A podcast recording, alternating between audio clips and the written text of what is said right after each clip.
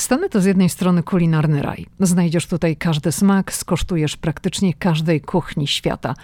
Lecz z drugiej strony Stany, zwłaszcza w czasie wakacji, wyjazdu, urlopu, mogą być kulinarną bolączką, ponieważ szybko zauważysz, iż przybywa ci centymetrów i w pasie, i w biodrach. Dzień dobry, hello. Zapraszam na odcinek, w którym powiem, czego spodziewać się przyjeżdżając do USA w kontekście jedzenia, zarówno w sklepach, barach, w restauracjach, a także food truckach. A w najbliższy czwartek, 10 sierpnia 2023, rusza tygodniowa, podkreślam, tygodniowa promocja naszego najnowszego e-booka kulinarnego Ameryka i my od kuchni, który stworzyliśmy wspólnie z Pawłem, tak naprawdę naprawdę na prośbę naszych obserwatorów na Instagramie. Oboje bardzo dużo gotujemy w domu, inspirujemy się połączeniami smaków, które odkryliśmy tutaj w Stanach. Paweł bardzo dużo grilluje latem i za każdym razem, gdy pokazujemy na Instagram Stories, iż coś takiego robimy, to są i były wcześniej prośby o przepisy, a potem weźcie w końcu, zróbcie jakiegoś e-booka. I tak oto powstał e-book kulinarny. Przez tydzień będzie promocja. Ona rusza już w ten czwartek i w ramach promocji będzie bezpłatny dodatek audio. On trwa godzinę i to jest rozmowa Pawła i moja, którą nagraliśmy w kuchni w czasie gotowania. I to wszystko będzie dostępne na www.amerykaimy.pl. Hej, tu Lidia Krawczuk. Los rzucił mnie do Waszyngtonu kilkanaście lat temu i to właśnie tutaj, w stolicy USA, powstaje podcast Ameryka i ja. Tu opowiadam o Ameryce, o życiu w Stanach i podróżowaniu po USA. Ameryka mnie fascynuje. Jeśli Ciebie, tak jak mnie, ciekawią Stany i chcesz wiedzieć o nich więcej, to jesteś we właściwym miejscu. Okej, okay. Tak naprawdę inspiracją do tego odcinka była reklama, która wyświetliła mi się na Instagramie. Była to konkretnie petycja do US Food and Drug Administration, czyli do amerykańskiej agencji żywności i leków, żeby ograniczyć ilość cukru dodawaną do żywności. Chodzi oczywiście o tę ilość dodawaną tutaj w Stanach. Cukier jest powszechnie dodawany do wielu produktów spożywczych, w tym do tych, które w teorii nie wydają się słodkie, takich jak sosy, przetwory mięsne czy produkty zbożowe. I teraz zaraz też tak, no jak, do mięsa? Mhm, tak, do bekonu. Na przykład Amerykanie kupują bekon, który jest no taki upaplany w syropie klonowym. Mi to nie smakuje, aczkolwiek Amerykanie lubią połączenie bekonu i syropu klonowego. No nie mówię, że tak wszyscy, ale to się sprzedaje i, i są tacy, którzy po prostu to kochają. I mało tego, niektórzy sobie polewają jeszcze bekon syropem klonowym, taki bekon, który pieką w piekarniku i on, z tego powstaje taki suchy, chrupiący chips. I na to Amerykanie sobie leją syrop klonowy. Oczywiście są wersje bez cukru i ja zawsze kupując upewniam się, że to jest wersja bez cukru i tobie też radzę, żeby upewniać się, jeżeli zechcesz skosztować amerykańskiego bekonu, to żeby sprawdzić, czy jest tam dodatek cukru i jak zawsze radzę czytać w Stanach etykiety. Cukier to jest często ukryty składnik, który trudno zidentyfikować na etykietach produktów spożywczych, ponieważ jest używany pod różnymi nazwami syrop kukurydziany wysokofruktozowy, fruktoza, sacharoza i tym podobne. Konsumentom może być trudno świadomie kontrolować spożycie cukru w Stanach, gdy jest on dodawany do tak wielu produktów i pod takimi różnymi nazwami. No i jeszcze jest jedna rzecz. Wpływ przemysłu spożywczego i lobbystów na, na politykę żywieniową również odgrywa rolę w problemie dodawania cukru do żywności w Stanach. Istnieją kontrowersje dotyczące skali i konsekwencji wpływu przemysłu spożywczego na decyzje podejmowane przez władze regulacyjne w zakresie etykietowania, reklamy i regulacji dotyczących cukru.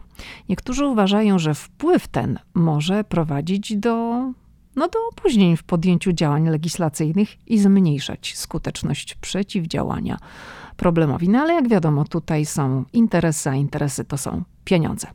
W USA obserwuje się alarmujący wzrost przypadków otyłości, cukrzycy i innych chorób przewlekłych związanych z niezdrowym odżywianie.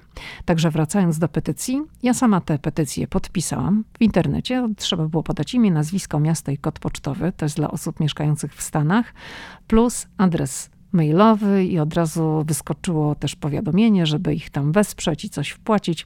To jest organizacja non-profit Center for Science and the Public Interest z siedzibą w Waszyngtonie.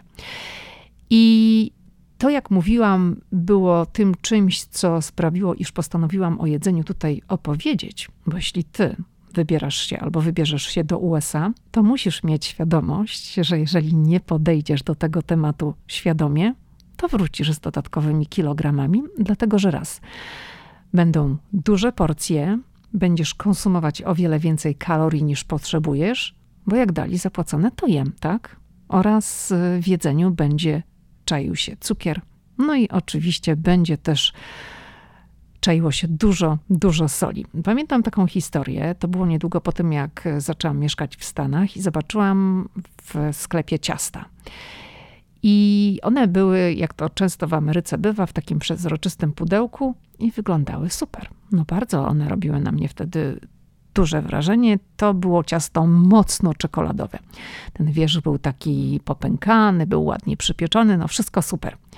I no wtedy to sobie myślałam, no raj, w środku raj, muszę to mieć. Oczywiście pudełko natychmiast wylądowało w moim koszyku, bo zawsze lubiłam słodycze, lubię je nadal, ale teraz staram się do tego bardziej świadomie podchodzić. I mimo, że to było czekoladowe brownie, to ono było słone. Było słone jak diabli. Okropne mi nie smakowało i oczywiście wylądowało w kuble na śmieci. Wtedy, jak kupiłam to moje pierwsze czekoladowe brownie, które było słone, Oczywiście słodkie też było, ale było, była wyczuwalna mocno sól. Wtedy jeszcze nie wiedziałam, że Amerykanie kochają sól i cukier. I na przykład pieką szarlotkę ze słonej mąki i to Amerykanom smakuje. No dzisiaj to już wiem, że jak idę do sklepu po składniki na ciasto, no to sprawdzam, co jest napisane na etykiecie, bo mój pierwszy placek też poszedł do kubła. No co z tego, że tam nie było zakalca i wszystko wyglądało super, skoro ten placek był słony. Ale wtedy jeszcze nie wiedziałam, że tutaj tak samo jak do masła, do mąki też dodaje się sól. Oczywiście są wersje bez soli, ale dlatego trzeba czytać etykiety i sprawdzać, czy to jest słone, czy nie. I tutaj od razu powiem, że jak pójdziesz w Stanach na zakupy, bo postanowisz sobie, no wiadomo, jak jest to wycieczka do Stanów, to raczej nikt tutaj ciasta nie piecze, ale postanowisz sobie zrobić kanapkę, czy coś szybko przygotować w takich wyjazdowych warunkach, no to sprawdzaj etykiety, bo na maśle będzie napisane salted lub unsalted, no ale możesz nie zwrócić uwagi na to, więc no już teraz zwracaj i, i zerkaj, czy to jest wersja masła słona, czy, czy nie jest słona. W Stanach wszędzie należy czytać etykiety, ale w Stanach są pewne sztuczki stosowane przez producentów żywności i trzeba mieć na nie oko. W Stanach oczywiście, no tak jak wszędzie, jest podana wartość kaloryczna, natomiast zgodnie z obowiązującymi w USA przepisami, ta wartość kaloryczna musi być wytłuszczona, ona musi być widoczna i ilość kalorii jest o wiele bardziej wyeksponowana i widoczna niż to jest na polskich etykietach. Super rzuca się od razu w oczy, ale żeby tak tutaj konkretnie dać ten przykład, to od razu sobie tutaj przygotowałam opakowanie sera. To jest, to jest napisane Three Cheese Italian. No to to jest taka mieszanka trzech serów, które są starte na tarce. No to jak to w Ameryce, tak już takie gotowce. Mi to na przykład służy do jakichś zapiekanek i, i kupuję taki tarty ser, ale jak sobie odwrócę na drugą stronę, żeby zobaczyć ile to jest kalorii, oczywiście jest pięknie wytłuszczone, jest napisane, że jest 90. No to na pierwszy rzut oka, o kurczę, no dobrze. Tylko, że u góry już takim małym druczkiem jest napisane serving size i to jest jedna czwarta kubka tak, 28 gram i te, to 90 kalorii odnosi się nie do całego opakowania, które mam przed sobą, ale odnosi się właśnie do tej porcji. Także na to też trzeba zwrócić uwagę. O, jeszcze od razu, tak jak mam to opakowanie przed sobą, to mm, chciałam powiedzieć, pokazywałam to na Instagramie jakiś czas temu, że zaczęłam zwracać uwagę, że w Stanach bardzo popularne zrobiły się opakowania strunowe, które stosuje się wszędzie. To jest bardzo wygodne. Kiedyś kupowałam klipsy takie do zamykania opakowań, w których były na przykład orzeszki, czy tak jak tutaj tarty ser, czy jakieś pestki, kasze.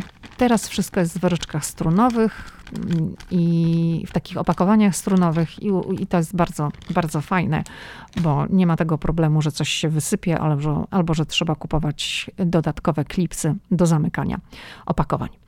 Także czytając etykiety, zwracaj uwagę na liczbę kalorii. Ona będzie wytłuszczona, ale też na to hasło per serving. I to jest zawsze nieco wyżej i to jest małym drukiem. Dobrze. To czy jeśli ty przylecisz do USA i masz kręćka na punkcie organicznej, zdrowej żywności, czy to będzie problem? Nie będzie to żaden problem. No chyba, że tam, gdzie będziesz, to będzie jakaś głęboka prowincja gdzieś u wujka i no może to być problem, ale w dużych miastach nie. I takim sklepem, siecią numer jeden w Stanach jest Whole Foods, i o tym sklepie był cały podcast numer 79, ale polecam przesłuchać, bo historia w ogóle powstania tej sieci pierwszego sklepu Whole Foods jest bardzo ciekawa. Ale już od kilku lat żywność organiczną można znaleźć no, praktycznie wszędzie, również w tak wielkich marketach jak Walmart i Target. Niemiecka sieć Aldi Lidl, te obie sieci też się przecież rozwijają dynamicznie w Stanach. One też mają swoje linie produktów organicznych, także nie będziesz mieć żadnego problemu, jeżeli będzie ci zależało na kupowaniu produktów z linii organic. Natomiast raz jeszcze uczulam, czytaj etykiety. No i może sobie tam zaraz coś pomyślisz, o matko, co ty się tak uparłaś, powtarzasz kółko, etykiety, etykiety, etykiety. No powtarzam, bo tylko, uwaga, tylko 9% Amerykanów potrafi prawidłowo odczytać etykietę dotyczącą wartości odżywczej. Skąd to wiem? No sobie nie wymyśliłam. Tak wynika z badań. Wielu Amerykanów daje się po prostu nabierać na wprowadzające w błąd etykiety z takimi hasłami jak pełne ziarno lub bez tłuszczu. I te hasła są oczywiście umieszczane na opakowaniu na tej przedniej części. Badania takiej grupy badawczej, która nazywa się ATEST, pokazały, iż Amerykanie nie czytają właściwie etykiet żywieniowych i nie podejmują prawidłowych, służących ich zdrowiu, decyzji zakupowych w sklepach spożywczych. Co się okazało? Okazało się, że naukowcy po przeprowadzeniu badań doszli do wniosku, że tylko 9% uczestników było w stanie 9%, 9% było w stanie prawidłowo określić, który produkt jest najzdrowszy. I choć Amerykanom często doradza się spożywanie zdrowszego, bardziej pożywnego jedzenia, to okazuje się, iż wielu nie potrafi wybrać zdrowej żywności, stojąc między półkami w sklepie spożywczym. Na potrzeby badań naukowcy zebrali dane od 2000 uczestników i każdemu pokazano kolekcję batonów zbożowych i poproszono o uszeregowanie ich od najzdrowszych do najmniej zdrowych. I tak, Jeremy King, dyrektor generalny firmy Attest, która opracowała te badania, powiedział, że wielu Amerykanów błędnie identyfikuje hasła reklamowe takie jak pełne ziarno, o naturalnym smaku i 100 kalorii, które zwykle nic nie znaczą. One po prostu nic nie znaczą w kontekście, czy żywność jest tak naprawdę zdrowa. I King uważa, że winne są przestarzałe przepisy, które dotyczą etykietowania żywności w USA. Informacje o wartości odżywczej można znaleźć na tej etykiecie, zazwyczaj jest czarno-biała, zwykle z tyłu albo z boku opakowania. No to się wydaje logiczne. Tak odwracasz sobie i sobie czytasz. Ale okazuje się, że większość Amerykanów, nawet tych, którzy szukają zdrowej żywności, spogląda jedynie na przód opakowania przed włożeniem tego produktu do koszyka. Także takie terminy jak pełne ziarno i ekologiczne mogą tutaj odgrywać ogromną, ogromną rolę. I no tutaj padło takie porównanie do systemu brytyjskiego, gdzie wiele produktów jest oznaczonych wskaźnikiem od A do E, przy czym A oznacza najzdrowsze. Chociaż ten system sam w sobie no, nie jest jakiś tam doskonały i pomija wiele niuansów, które są związane z odżywianiem, to jednak to jest y, świetny wskaźnik dla osoby, która chce dokonać szybkiego, świadomego dla zdrowia wyboru w sklepie spożywczym. I no, naukowcy twierdzą, że taki projekt ustawy złożony przez amerykańskiego reprezentanta kongresu Franka Palona, demokraty z New Jersey, wprowadziłby tego typu system w Ameryce i pomógłby zwiększyć przejrzystość zakupów w sklepach spożywczych w USA. No ale jak wiadomo, tutaj są interesy, wpływy lobbyści i czy to się szybko zmieni, to ja tego nie wiem. Czy w Stanach zawsze tak było? No wiadomo, że tak nie było. To w latach 60. XX wieku mm, no, rozpoczęła się taka transformacja żywieniowa i no właśnie wtedy, w latach 60., nastąpił gwałtowny wzrost popularności przetworzonych produktów spożywczych, no bo było szybko, jakże. Zaczęła być coraz bardziej popularna żywność w puszkach, żywność mrożona, fast food, gotowe dania. Powstały nowe technologie i metody produkcji, które umożliwiły masową produkcję i dystrybucję takich produktów, no, co znaczy oczywiście zarabianie pieniędzy. I też w latach 60. samo rolnictwo w Stanach Zjednoczonych przeszło znaczące zmiany. W tym należy włączyć rozwój intensywnego rolnictwa przemysłowego. Wprowadzono nowe technologie, takie jak nawozy sztuczne i pestycydy, które, no rzecz jasna, umożliwiły zwiększenie wydajności upraw i produkcji. Kolejna rzecz w latach 60. i 70. konsumpcja cukru i tłuszczów w diecie amerykańskiej zaczęła znacząco rosnąć. Produkty spożywcze, w tym napoje słodzone, przekąski, zaczęły być bogatsze w cukry i tłuszcze nasycone. I no tutaj to nie jest jakiś wielki sekret. Ten wzrost konsumpcji przyczynił się do rosnącej epidemii otyłości i chorób związanych ze sposobem żywienia z dietą w Stanach Zjednoczonych. Ale, ale trzeba zaznaczyć, że Amerykanie w ostatnich latach to znaczy grupy Amerykanów, nie można generalizować, ale grupy Amerykanów bardzo mm, zmieniły podejście do sposobu żywienia. Ludzie zaczęli coraz bardziej doceniać zdrowe i naturalne produkty spożywcze, stąd też ten boom na żywność organiczną wzrosło zainteresowanie tego typu jedzeniem, wzrosło zainteresowanie lokalną żywnością ekologiczną, pojawiły się właśnie te wszystkie trendy związane z jedzeniem, z dietą wegetariańską i wegańską, i to jest bardzo silne w USA, no ale ciągle również epidemia otyłości jest w Stanach po prostu plagą. Owszem, zwiększyła się świadomość zdrowotna Informacje na temat wpływu diety na zdrowie i choroby stały się bardziej dostępne dla ogółu społeczeństwa. No też dostęp do internetu, jak ktoś rzeczywiście chce, to, to może dużo rzeczy znaleźć. I też wprowadzono nowe wytyczne żywieniowe, takie jak e, to się nazywa piramida żywienia piramida żywienia została mm, przedstawiona przez US Food and Drug Administration, czyli tą amerykańską agencję żywności i leków. No i pojawiły się też rekomendacje dotyczące ograniczania spożycia soli, cukru i tłuszczów nasyconych. I to już muszę powiedzieć, że ta piramida żywności jest prezentowana dzieciom w przedszkolu. Ja pamiętam, mój syn przyszedł kiedyś właśnie mm, z przedszkola, albo to była, nie, to było przedszkole czy zerówka, a być może i w przedszkolu, i w zarówce, bo w szkole też to, ten, ten wątek jest przecież omawiany i to się pojawia, ale przyniósł taką książeczkę, gdzie ta piramida żywności była zaprezentowana i oczywiście to było wszystko napisane w taki przystępny dla dzieci sposób, żeby dzieci mogły zobaczyć, co powinno znajdować się na talerzu i jak powinna wyglądać prawidłowa dieta właśnie w tym wieku.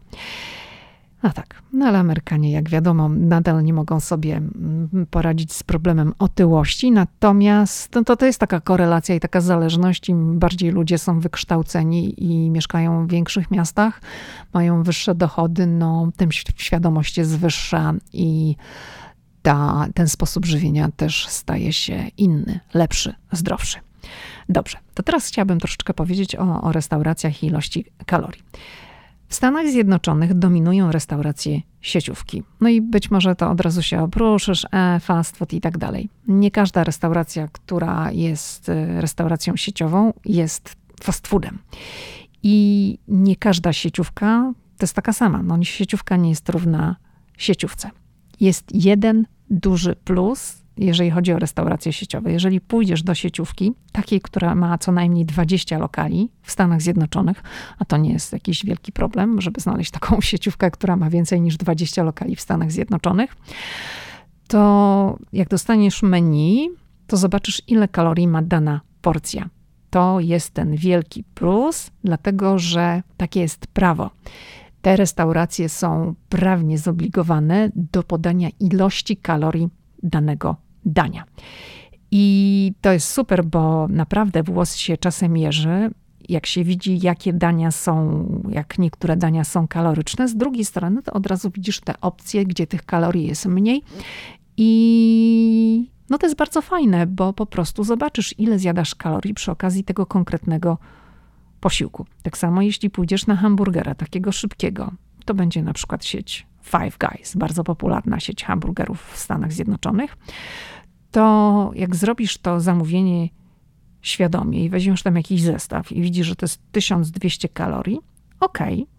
chcesz spróbować wycieczka do Stanów Zjednoczonych, ten, chcesz poczuć ten amerykański experience, lubisz, no ale wiesz dokładnie, ile zjadasz i że to może nie jest najlepszy pomysł, żeby fundować sobie takie rzeczy każdego dnia. A jak pójdziesz w jakieś inne miejsce, takie może bardziej lokalne, no to też niekoniecznie będziesz wiedzieć, ile tych mm, kalorii jest. Kolejna rzecz to są napoje gazowane i darmowe dolewki w restauracjach.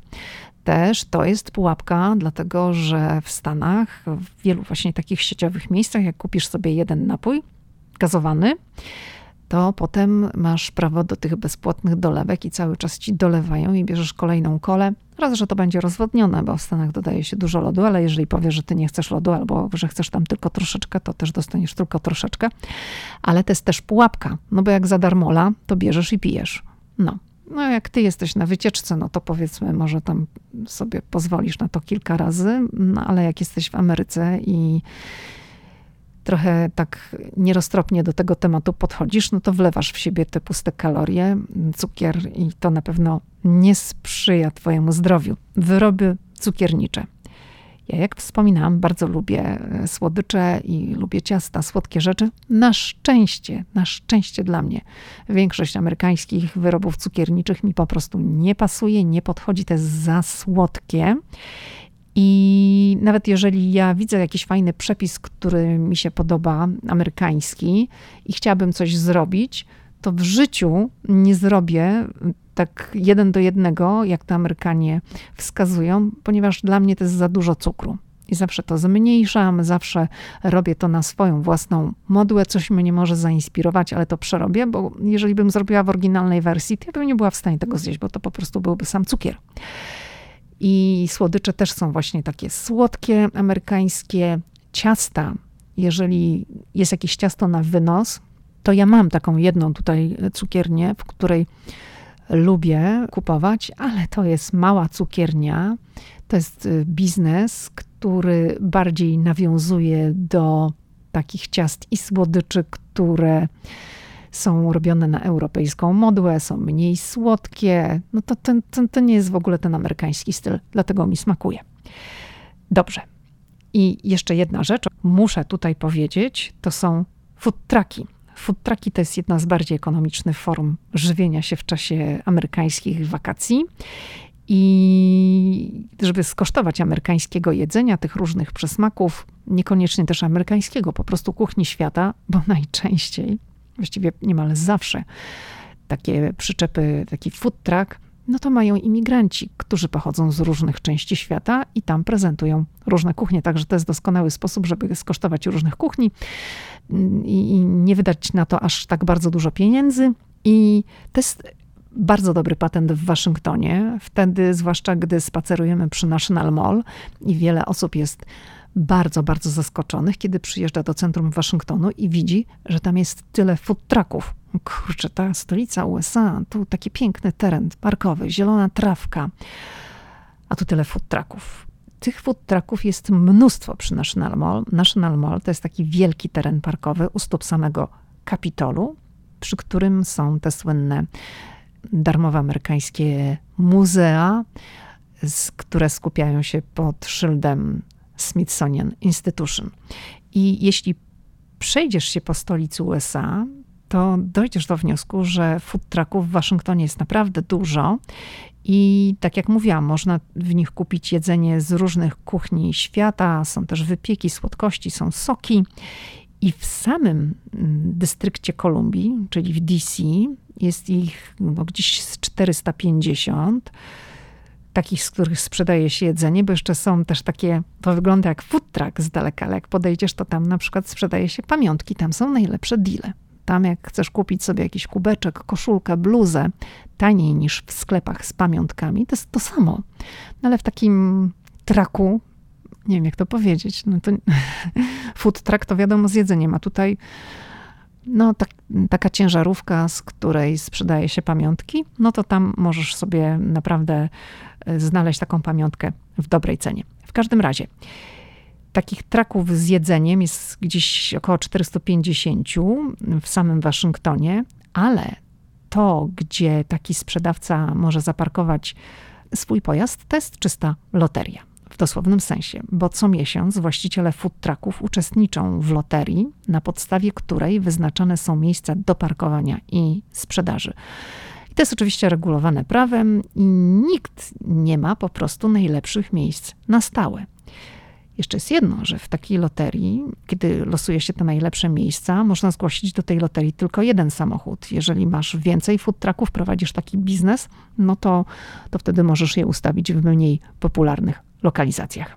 I ja naprawdę polecam Ci taką opcję przy okazji zwiedzania National Mall, bo przy National Mall nie ma restauracji. To jest teren National Park Service, czyli takiej, takiej instytucji, która sprawuje pieczę nad wszystkimi parkami narodowymi w Stanach Zjednoczonych. Ten teren, o którym właśnie mówię, ma, podlega National Park Service, bo to jest teren parkowy i oni mają z pewnością swoją politykę, dlaczego nie ma restauracji przy właśnie National Mall, chociaż na pewno byłyby w nich tłumy, bo to jest piękny obszar.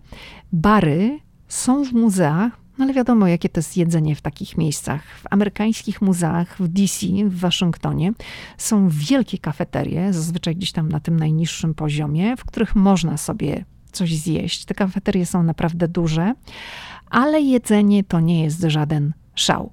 Także jeżeli ty będziesz kiedyś właśnie w Waszyngtonie i dopadnie ci głód w okolicach National Mall, a zwłaszcza będzie ładna pogoda, bo to będzie załóżmy tak w tym okresie od wiosny do, do wczesnej jesieni, to warto sobie coś kupić w takim food trucku, pójść sobie na trawkę na National Mall, odpocząć, poleżeć, posiedzieć, zjeść sobie coś z food trucka, popatrzeć sobie na to, co jest dookoła, no bo z jednej strony będziesz widzieć Kapitol, czyli siedzibę amerykańskiego kongresu, po drugiej stronie będzie monument Waszyngtona, czyli ta najwyższa budowla w stolicy, mm, strzelisty monument upamiętniający pierwszego prezydenta USA, taki kształtem nawiązujący do ołówka, zresztą taki nickname, mm, ksywa, tak, przezwisko na monument Waszyngtona to jest w Waszyngtonie mówi się o tym ołówek, pensil. I, i, I, w takim futraku to na pewno każdy znajdzie coś dla siebie. Czasem ktoś zadaje mi takie pytanie, czy ja nie tęsknię za polskim jedzeniem. Nie tęsknię, dlatego że jeżeli mam ochotę zrobić sobie coś polskiego, to sobie robię. Nie potrafię gotować. Ale w Stanach, albo Paweł robi, bo Paweł też potrafi gotować i robi to naprawdę świetnie. Ale w Stanach otworzyłam się na nowe smaki, na trochę inny sposób jedzenia, mniej tradycyjny, taki jaki obowiązywał, znaczy był nominujący w moim rodzinnym domu. Zdecydowanie jemy więcej warzyw, więcej sałatek, i w e-booku takich wariacji jest sporo. Zdecydowanie na przykład jem więcej łososia. W Polsce to był głównie łosoś wędzony, tam czasem na jakąś kanapkę Tutaj łosoś jest u nas na obiad, chociaż też to się tak obiad przesunął, bo w Polsce jadłam go wiele wcześniej. Tutaj teraz u nas jest śniadanie, jest lunch tak między 12 a 2, zależy jak tam się dzień ułoży. I obiad jest tak między 5 mm, a 6 po południu. Także kolacja jest wieczorem, jest coś lekkiego, jakaś sałatka, jakaś kanapka najczęściej. No to już nie jest, jest u nas w domu kolacja nie jest posiłkiem na gorąco. Tak jak jest w Ameryce jest dinner, kolacja, to właśnie wtedy jest ten posiłek na gorąco. A u nas obiad jest o tej piątej, szóstej i wtedy to jest na gorąco. Ja jestem jeszcze potem głodna gdzieś tak mm, około ósmej, to wtedy mogę zjeść jakąś małą sałatkę, jakąś kanapkę i jest e, ok. Ameryka na pewno otworzyła mnie na nowe smaki. Być może otworzyłabym się na te smaki również w Polsce, no ale to jest kilkanaście lat, odkąd ja tutaj żyję, także no, tę przemianę przeszłam tutaj na cała nasza rodzina, znaczy mój mąż i ja, no bo nasz syn się tutaj urodził, no to on nie przechodził żadnej przemiany, tylko po prostu mm, jest zawsze trochę między tą polską i amerykańską kuchnią. Są te rzeczy takie z polskiej kuchni, które on lubi. Chociaż ani pierogi go jakoś tam nie, nie fascynują. My bardzo lubimy, y, ale na przykład lubi kiełbasę, polską kiełbasę. Także jak jest wizyta w polskim sklepie, to są zawsze y, kupowane jakieś kabanosy albo jakaś polska kiełbaska i to mm, dla, dla naszego syna. Co mam na myśli mówiąc, że tutaj jemy inaczej? Ja po prostu byłam wychowywana tak, że na obiad jest zupa. Zazwyczaj były u mnie w domu dwa dania, czyli zupa, a potem było drugie danie i najczęściej to były ziemniaki, jakieś mięso i jakaś surówka. Właśnie były najczęściej dwa dania. Tutaj czasem pojawia się taki obiad, ale nie, że dwa dania jednocześnie, to, to ja już nie jestem w stanie, my nie jesteśmy w stanie zjeść zupy i drugiego dania, tak z, za jednym posiedzeniem. Także jeżeli jest zupa, a zupy lubimy i nasz syn bardzo lubi zupy, to zupa jest na lunch. I to są różne zupy. Tutaj y, właśnie zaczęliśmy bardziej robić takie zupy mm, zawiesiste, gęste, sycące, ale też ląduje u nas na stole barszcz ukraiński, który który lubimy, ogórkowa, pomidorowa, rosół, czyli takie mm, typowe e, polskie zupy. Jeżeli, e, ale e, tak jak mówiłam, zupa jest na lunch, ale na lunch jest też sałatka, jest dużo warzyw, jest kurczak, pierś z kurczaka, którą na przykład ja piekę w piekarniku, dwie, trzy i potem mam sobie ją kroję po to, żeby sobie dodawać do, do sałatek na lunch. Są też takie szybkie dania z dodatkiem kasz. Też kasz zaczęliśmy jeść więcej tutaj. I na obiad u nas jest często łosoś z piekarnika z dodatkiem warzyw, są sałaty, czasem są pieczone ziemniaki. Tutaj zaczęliśmy jeść bataty tak naprawdę, piec, właśnie tak jak wspominałam, pierś kurczaka w piekarniku, po to, żeby ją wykorzystywać później do, do sałatek, albo też pokroić ją od razu na gorąco, zjeść jakąś sałatą i to już jest dla nas obiad. Makaron z bekonem to jest ulubione danie naszego syna. W ogóle uwielbia amerykański bekon z dodatkiem brokułów, pomidorów, parmezanu. Właśnie ten przepis też e, jest w naszym e-booku, bo no nasze dziecko jest wielkim fanem makaronu, także te wersje makaronowe też u nas się przewijają. Skrzydełka na ostro amerykańskie też u nas są czasem na obiad, co wcześniej gdzieś tam chyba w Polsce by mi nie przyszło do głowy, żeby jeść skrzydełka na ostro na obiad, a tu już dla mnie jest ok, jak są skrzydełka, do tego jest właśnie seler naciowy, do tego jest sos, może być jakaś grzanka, jeżeli mam ochotę, ale niekoniecznie, nie zawsze. I to jest dla mnie też yy, ok. Jesienią jest dynia. Wiele dań z wykorzystaniem dyni, której ja w Polsce nie znosiłam. Po prostu ona była dla mnie mdła, bez smaku, no ale to jest wszystko właśnie kwestia, jak ją przyrządzić. I takiego innego spojrzenia na dynię nauczyłam się w Ameryce. Oboje się nauczyliśmy przyrządzać. Inaczej to samo dotyczy brukselki, która w Polsce była zawsze rozgotowana i polana bułką tartą i ten zapach przygotowania to po prostu doprowadzał mnie do mdłości. A tutaj w Stanach okazało się, że brukselkę można robić zupełnie inaczej. Zmierzam do tego, że już nie potrzebuję jeść codziennie ziemniaków z sosem na obiad albo z jakimś kotletem, czy no, takiego tradycyjnego polskiego obiadu, choć nadal takie dania lubię, ale już to nie jest, że tego typu danie jest u nas na stole codziennie.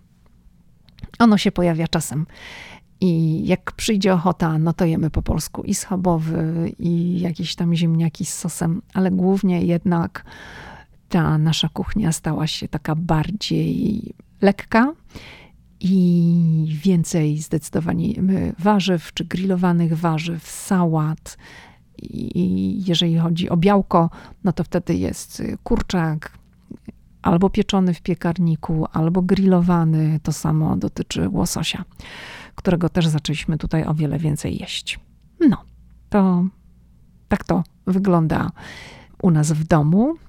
Ty, jak przyjdziesz do Stanów, to naprawdę będziesz mieć bardzo dużo różnych opcji, bo oczywiście można jeść te takie mm, dania, które kojarzą się z Ameryką, hamburgery, frytki, pizza.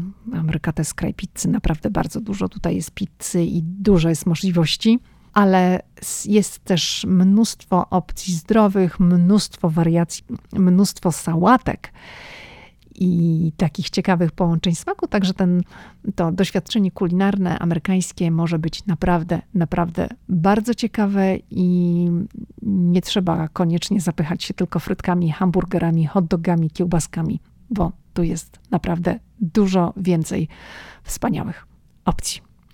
Ok, to tyle na dziś. Do usłyszenia, jak zwykle, w kolejny wtorek.